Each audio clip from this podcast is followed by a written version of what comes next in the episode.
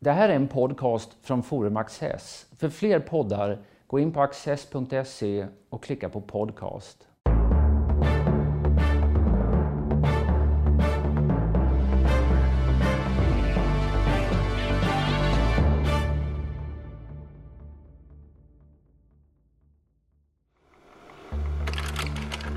Den muterade suveränen härskar fortfarande i det öppna och fria samhället skriver Boto Strauss i sin genombrottsroman Den unge mannen från 1984.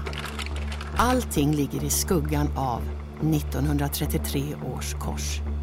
Tyskarna skyr sina traditioner och seder av rädsla för att likna den döde, deras störste niding. I en essä från 1993 uppmuntrar han landsmännen att bryta denna onda cirkel. I betraktarens ögon förvandlades han därmed från ett postmodernistiskt underbarn till kontroversiell nationalkonservativ författare. Men är någon av bilderna sanna? Thomas Steinfeld, professor i litteraturvetenskap vid universitetet i Luzern tidigare litteraturredaktör i Frankfurter Allgemeine Zeitung och kulturchef i Süddeutsche Zeitung samtalar med Peter Luttersson. Thomas, för tio år sedan eller så, så sa Martin Walser, den eh, store, nu åldrade tyske författaren att eh, Boto Strauss borde få Nobelpris i litteratur. Nej, det är ju ett farligt förslag. Ja, för det första men intressant. öppnar den för frågan vem är Martin Walser? ja, men det kan vi inte fördjupa oss i. Men han är, en, han är också en farlig person. Ja, han, är, han, är, han är lite småfarlig. Ja. Han, han gör udda saker ibland och uh, då blir det debatt och han tycker fortfarande om att göra de här udda sakerna men på sina dagar har han blivit allt vänligare, han har blivit from, han har blivit katolik och så öppnade han hjärtat för eh, uh, Boto Strauss. Alltså om, om vi nu utgår ifrån att um, Nobelpriset ska egentligen vara avsett uh, för en författare av världslitterär format så skulle jag tveka lite grann om Boto Strauss skulle vara rätt val. Han är en tysk författare. Han är visserligen ganska känd i Tyskland. Han har översatt till, till många språk, framförallt på 80 och 90-talet. Men eh, han har sedan ja, vandrat utanför, både på egen begär och eh, på eget begär och eh, också för att eh, ja, offentligheten intresserade sig allt mindre för honom. Mm. Det skulle i så fall vara eh, det som vi kallar på tyska en Wiedergutmachung att ge honom Nobelpriset var kanske lite för stort för honom. Men eh, om man tittar på han, det, hans författarskap innehåller ju en brytpunkt, men vi kan ju börja lite från början. Så. Alltså jag menar en brytpunkt som gjorde det lite mer kontroversiellt att förhålla sig till honom. Eh, han började som dramatiker. Ja, men den här brytpunkten är egentligen ganska konsekvent när man ser det från, han, från, från hans sida. Absolut. Om man ser det från hans sida så byggs det upp emot ja. den, hela alltså, han, blev ju, han, han, blev, han blev ju känd som dramatiker under sena 70-talet med, med Trilogi des Wiedersehens, Kaldevej Fars och sådana teaterstycken som han utvecklade tillsammans med denna tidens mest framstående tyska regissör Peter Stein, Peter Stein på eh, Schaubühne am Halleschen Ufer. Och det var en, en, en, en enastående kombination eftersom det var en tid under 70-talet när det har verkligen, alltså, hela Tyskland hade blivit överspänt av en vänsterliberal konsens. Som, som eh, också är modernitet i mångt och mycket. Det var ju Socialdemokraterna ja. som, som var modern, modernismens fram, fram, mest framstående kraft under 60-talet och 70-talet. Men så, så kom eh, Boto Strauss och knäckte den, ehm, den här konsensen på ett alldeles underligt sätt. Bara, bara genom att lyssna, bara att, att titta på folk, bara att ta iaktta deras gester. Och det är det som hans teaterstycken handlar, mm. handlar om. Det, det, det, finns folk som kommer från Berlin. Berlin alltså de lever som patricier, allting är subventionerat, det är ett konstgjort liv. Och där finns dessa människor som är sysselsatta med sig själva och som tror sig leva i en konsens som spänns överallt. Och när man lyssnar noggrant, och det gjorde han, så, så knäcktes det här samförståndet. Mm. Det blev klart hur folk ljög till varandra, vilka illusioner som det verkligen eh, som, som var livsavgörande för dem. Och plötsligt såg, såg man en massa individer utan individualitet. Men han har gjort massor med teaterstycken efter det. Menar du att den där talangen går förlorad eller den, den förlorar sin frisör? Eller, eh, det, det finns inte någonting att punktera på samma sätt? Eller? Alltså det, är, det är svårt att skildra en individualitet, en, ett individuum utan individualitet många, många gånger om. Mm. Alltså det blir en repetition. Och han, han, och han försökte bryta upp den här, den, här, den, den här eh, faran att repetera sig själv genom att gå tillbaka till uh, den litterära traditionen. Det är framförallt det hans första romaner handlar om. Och de väckte ju stort uppseende. Det var först Rumor och sen framförallt den, den unge man från, alltså den unge mannen från, ja, om jag minns rätt, från 1984. Från 83 eller 84. Ur samhällskritik så växte det fram någon form av traditionsmedvetande. Så får det inte vara, men hur kan det, hur kan det annorlunda vara? Hur, hur kan det vara på ett annorlunda det sätt? Det som kommer först, som jag uppfattade det, är vantrivsel i samtiden. Ja, både och. Alltså, när, man, när man ser var, varifrån han kommer, då han, är han verkligen ett barn av den gamla kulturkritiken. Mm. Och, eh, alltså, av en vetenskaplig intellektuell konsensus som präglades mest av Frankfurtskolan, Theodor Adorno och Hakan och alla de andra. Men eh, i Pare Passanten, som var hans första stora uh, prosabok som, blev, som blev en mycket stor succé från 81, så eh, står det den här märkliga satsen om dialektiken. Vi har alltid trott på dialektik, men nu går det inte längre. Uh, nur noch ohne. Vi, vi, vi, vi blir dummare utan dialektik, men det går, det går, inte på ett annat sätt. Vi ska vara utan dialektik. Så ungefär går det. Men tittar man på de där två böckerna som kommer före, äh, den som heter De Widmung, ja. äh, som heter äh, tillskrift eller tillägnande eller vad ja. det är på svenska och Romor som heter Buller på svenska. Så där är ju på något sätt personer som inte trivs i samtiden, i nuet. I båda men, böckerna men, väldigt starkt. Och, man, och, och, och, författaren pekar på en massa saker de inte trivs med, gestalterna. Till exempel medierna, mediernas eh, eh, förytligande banalisering eh, av tillvaron och hur det skadar själva språket och via språket skadar det konst. ja, det är de här lögnerna. Det finns som, från början. Ja, så. Den finns från början, men den, den, det är liksom... Alltså, de lever som de är eh, teater, de här dramatiska verken från 70-talet och början av 80-talet. De, de lever från iakttagelsen. Men i början av 80-talet, och det sker framförallt i hans prosaverk, så får den här um, oron en adress. Alltså man ska vända sig tillbaka framförallt till den litterära traditionen, till konstnärliga traditionen och så vidare. Det är kanske tydligast i det, det unga, man, unga mannen från 83-84. Men det, det, det, det, ligger ju ett problem i detta också. Och den här, det här problemet kommer han inte ifrån inom hela sitt verk. Där han, han avböjer den här gamla formen av kulturkritik. Alltså, vi måste leva utan dialektik. Vi blir dummare, men vi måste göra det ändå. Men ändå sitter den här gamla kulturkritiken kvar i honom, i avskyn mot allt som vanligt är i samhället. Invanda uh, rutiner, uh, folk som, som, som, som, som försöker uh, hitta identitet här och var, men det beror mest av lögner och falska pretensioner. Och sånt. Och, alltså, att vara kulturkritiker och icke vara kulturkritiker. I den här motsättningen lever han fortfarande. För det finns just eh, i eh, den där Den unge mannen så finns det eh, vad ska jag säga, inslag som, som jag tycker är, är väldigt intressanta. Till exempel detta att det finns en koloni i en skog som övervakas av en kommission. Ehm, det är för att den där kolonin går ut på att man ska försöka bygga upp någon slags oäkta äh, äh, naturfolk igen. Inte etniskt, för de är sammansatta lite hur som helst. Ja, ja.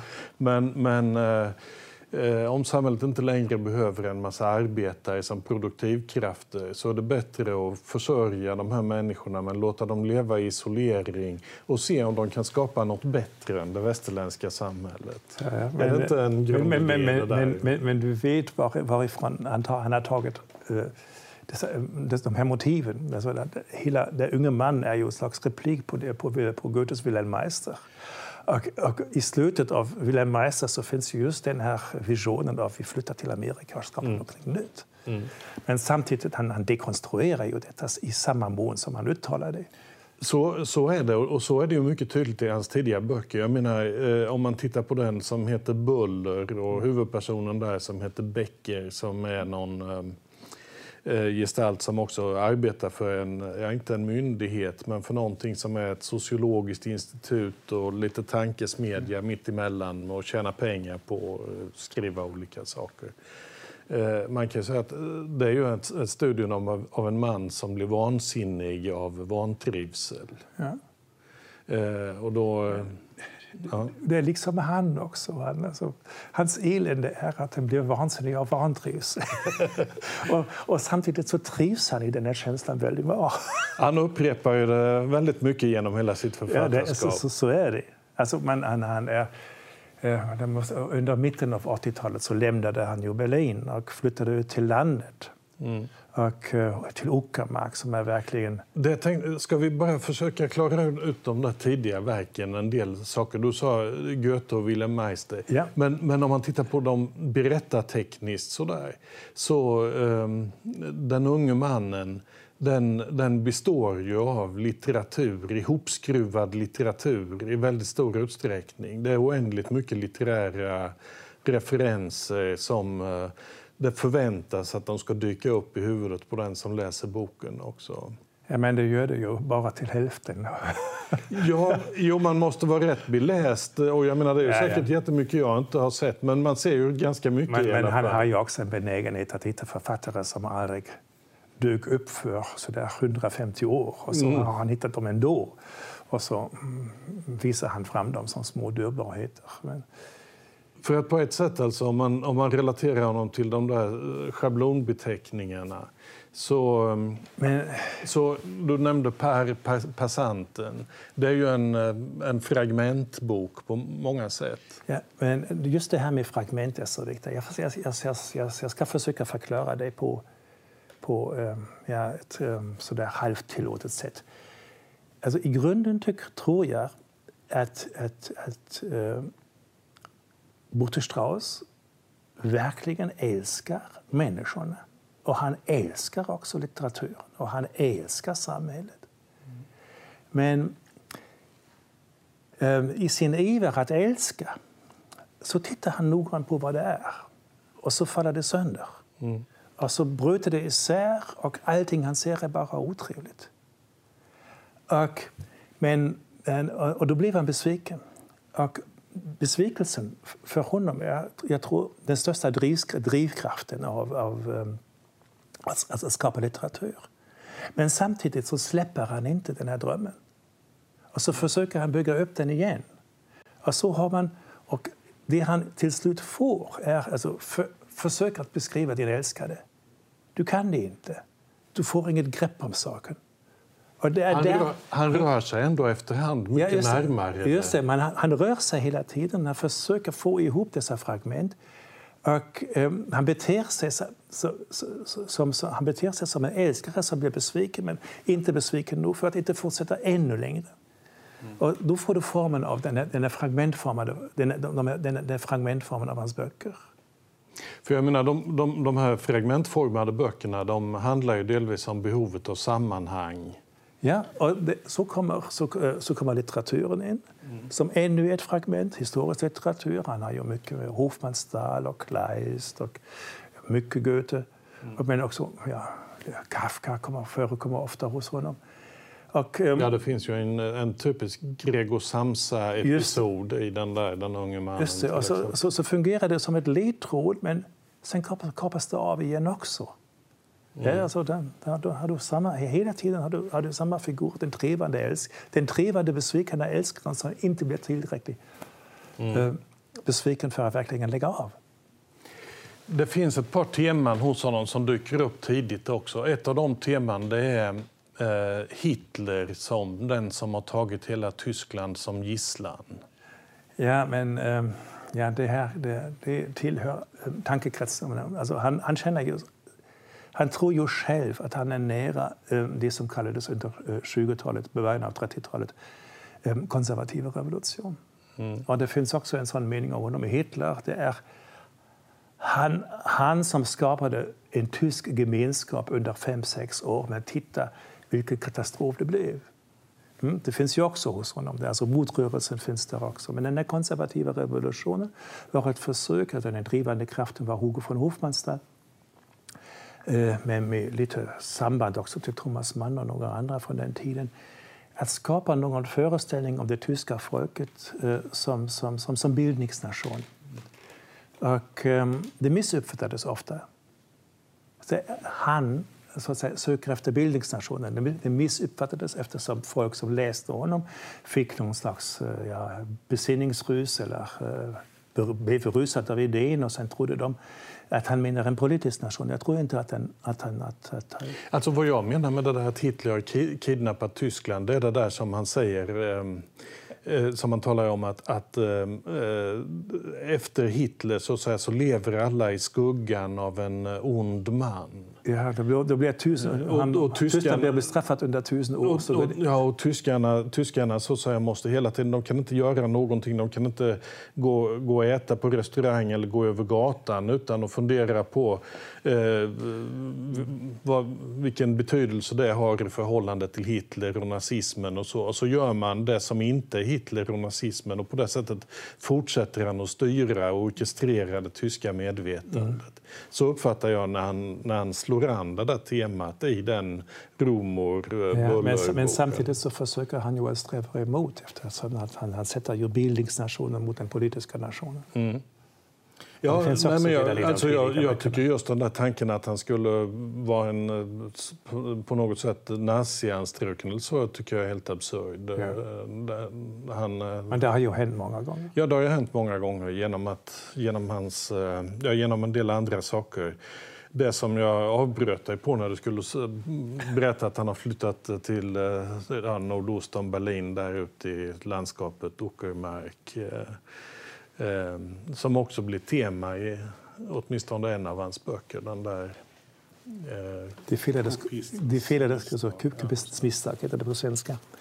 Men, men först kanske vi ska ta det som, som jag i början refererade till som en brytpunkt i hans författarskap. Det var en essä som han publicerade i Der Spiegel eh, 1993. Den ansvällande boxgesang. Och som inte är alldeles lätt att översätta. Man skulle kunna översätta det som eh, Eh, fortlöpande tragedi om man eh, översätter tankefigurer. Ja, ja, alltså eftersom boxgesang, alltså bock, bockarnas sång, Bocksång. Är, den, det tillhör etymologin av tragedi. Eh, Vargas har väl skrivit en eh, roman som heter så också. Just det. Just det. Om en diktator. Men um, um, i den uppsatsen som blev mycket, mycket införstått, alltså det är inte så länge sedan att, att uh, 1993 att, att, att det blev ett 25-årsjubileum på den här uppsatsen. Och um, den är 25, den, den är 25, det är 25-årsjubileet det, begicks i många tidningar. Det skrevs det för 25, 25 år sedan att den här essän skrevs. Och det var verkligen en censur. Jag tvekar på att det, en, att det blev en censur. Alla motiven var där innan.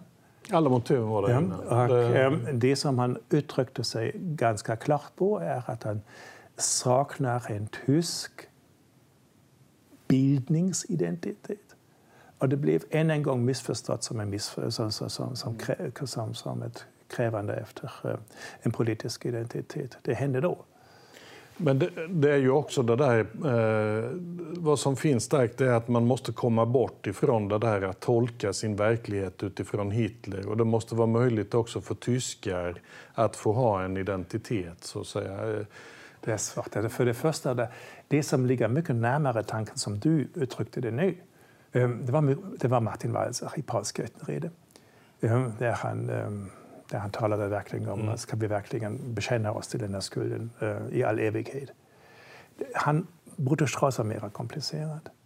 Alltså han, han själv skulle aldrig tro, tro på någonting som en identitet. Mm. Han skulle tvärtom dekonstruera identitetstanken som en fiktion. Mm. Och sen lyssna och se hur det, och, och, höra hur, det bryter. Ja, det är kanske fel att formulera det som en, en tysk identitet på det sättet. Det är mer Martin Walser. Men att man måste komma bort ifrån eh, 1933 års skugga. Så. komma ut ur den, att avsluta det, klippa av det. Ja, men, en, när man läser honom, ja, när man läser en sån tanke hos honom måste man alltid ha en annan tanke i huvudet också. Så, I vilken tid skulle Boto Strauss helst leva? Ja, världen före 1789.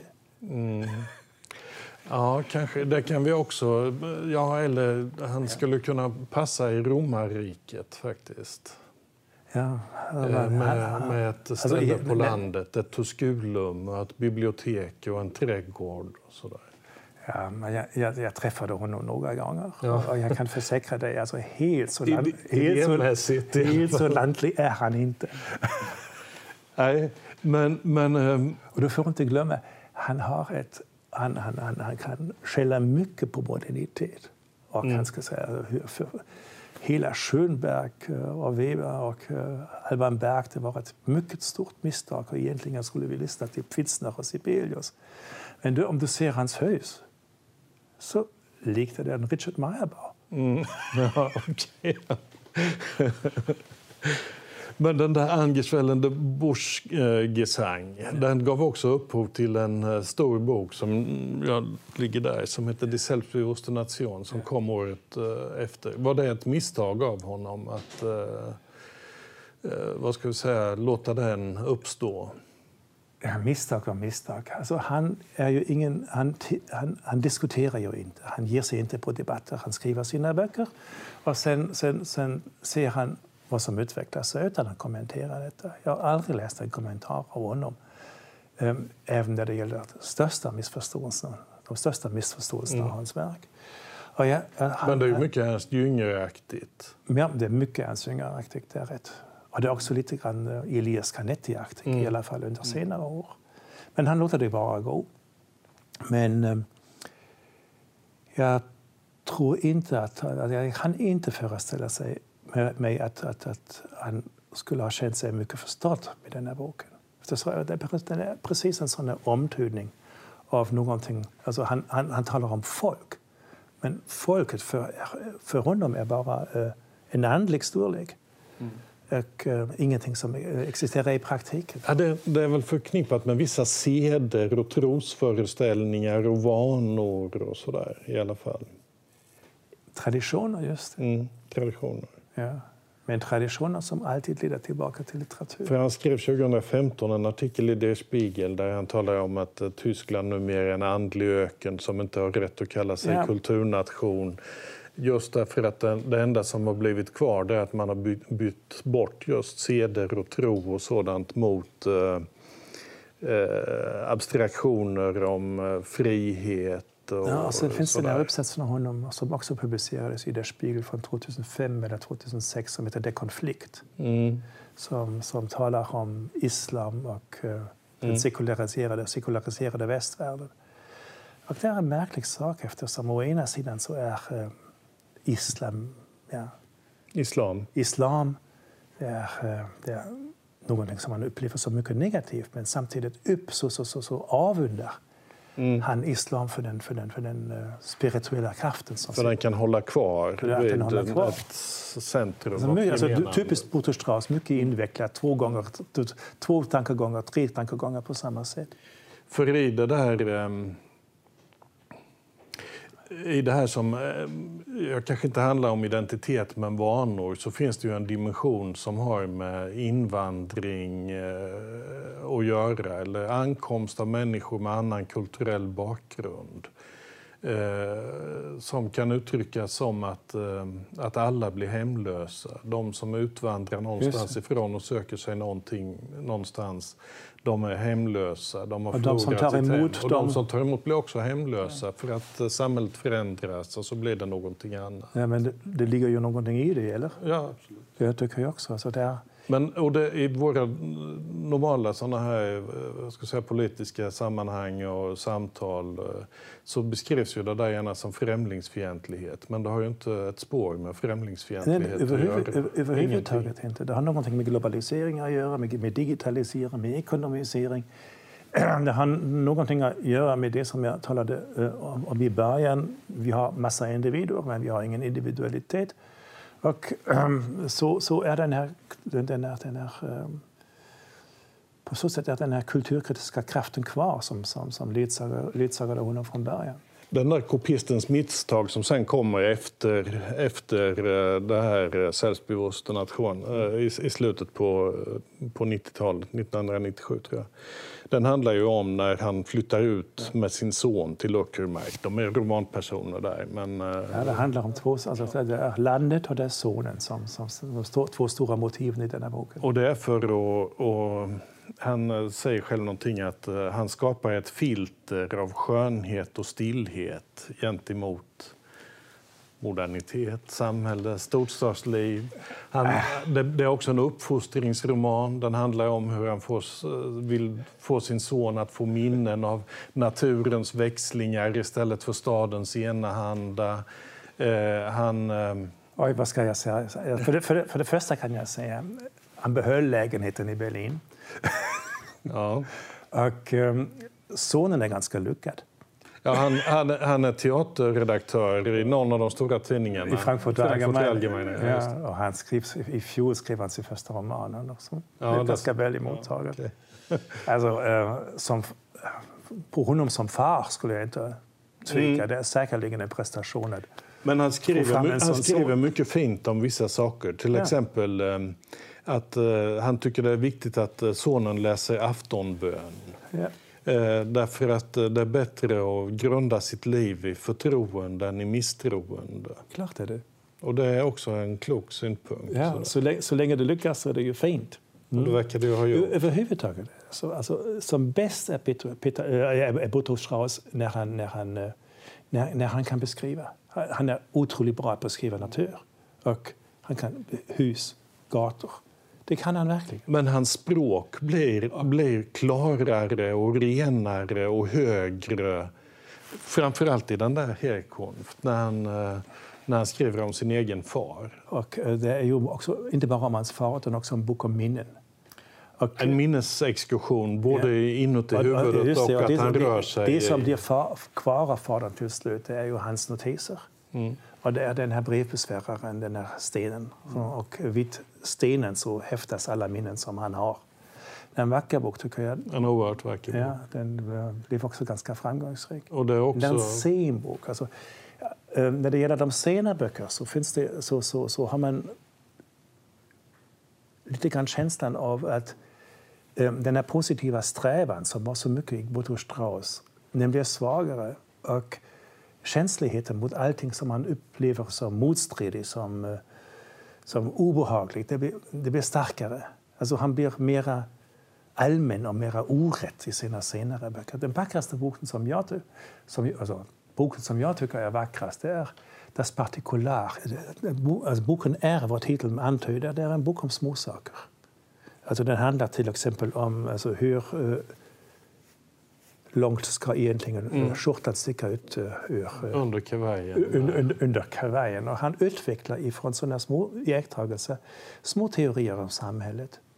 Och, uh, ibland ganska Men sånt elaka. är han ju alltid väldigt bra på. Ja, så, så, några mycket elaka, elaka när, till exempel när han talar, talar om alltså, vad, vad folk uttrycker som, alltså, vad folk har för kärleksuttryck. Där kan, där kan han verkligen vara förintande.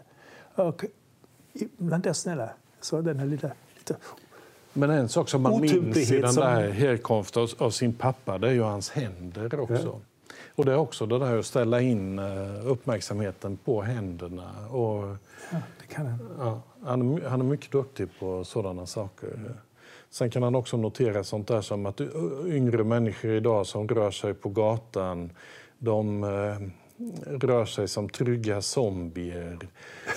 Och de, de har ingen social blick därför att de behöver inte skilja mellan vänner och fiender.